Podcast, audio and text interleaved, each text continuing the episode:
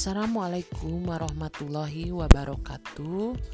Para mahasiswa bertemu lagi dengan mata kuliah pengembangan pembelajaran PKN di SD. Mudah-mudahan kita semuanya ada dalam keadaan sehat. Dan pada pertemuan kedua ini, kita akan membahas tentang ruang lingkup dan peta materi PKN di sekolah dasar.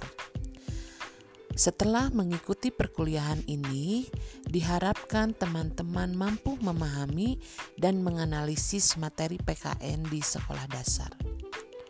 Pada pasal 37 ta Undang-Undang Nomor 20 Tahun 2003 bahwa pendidikan kewarganegaraan dimaksudkan untuk membentuk peserta didik menjadi manusia yang memiliki rasa kebangsaan dan cinta tanah air untuk mengakomodasikan perkembangan baru dan mewujudkan pendidikan sebagai bagian utuh dari proses pencerdasan kehidupan bangsa.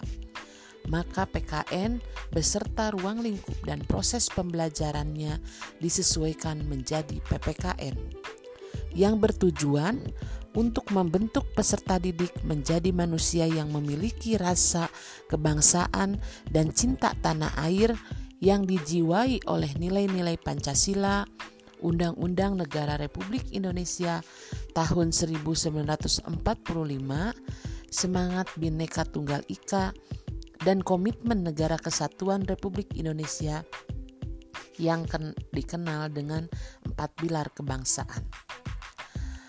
Pancasila dalam PPKN ditempatkan sebagai entitas inti yang menjadi sumber rujukan dan ukuran keberhasilan dari keseluruhan ruang lingkup mata pelajaran.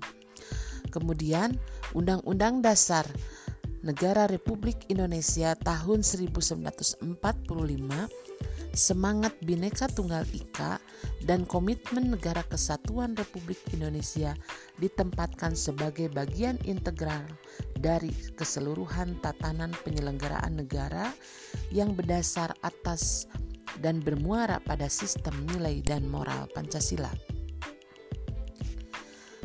Kemudian masing-masing ruang lingkup dijabarkan ke dalam standar kompetensi dan kompetensi dasar yang secara konseptual membangun keutuhan masing-masing ruang lingkup dan mencerminkan koherensi PPKN dengan empat pilar. Dalam setiap jalur dan jenjang dan juga jenis pendidikan mata pelajaran PPKN memuat secara utuh keempat ruang lingkup tersebut. Ruang lingkup PPKN meliputi pertama Pancasila sebagai dasar negara pandangan hidup dan ideologi nasional Indonesia serta etika dalam pergaulan internasional. Kedua, memuat Undang-Undang Dasar Negara Republik Indonesia tahun 1945 sebagai hukum dasar yang menjadi landasan konstitusional kehidupan bermasyarakat, berbangsa, dan bernegara.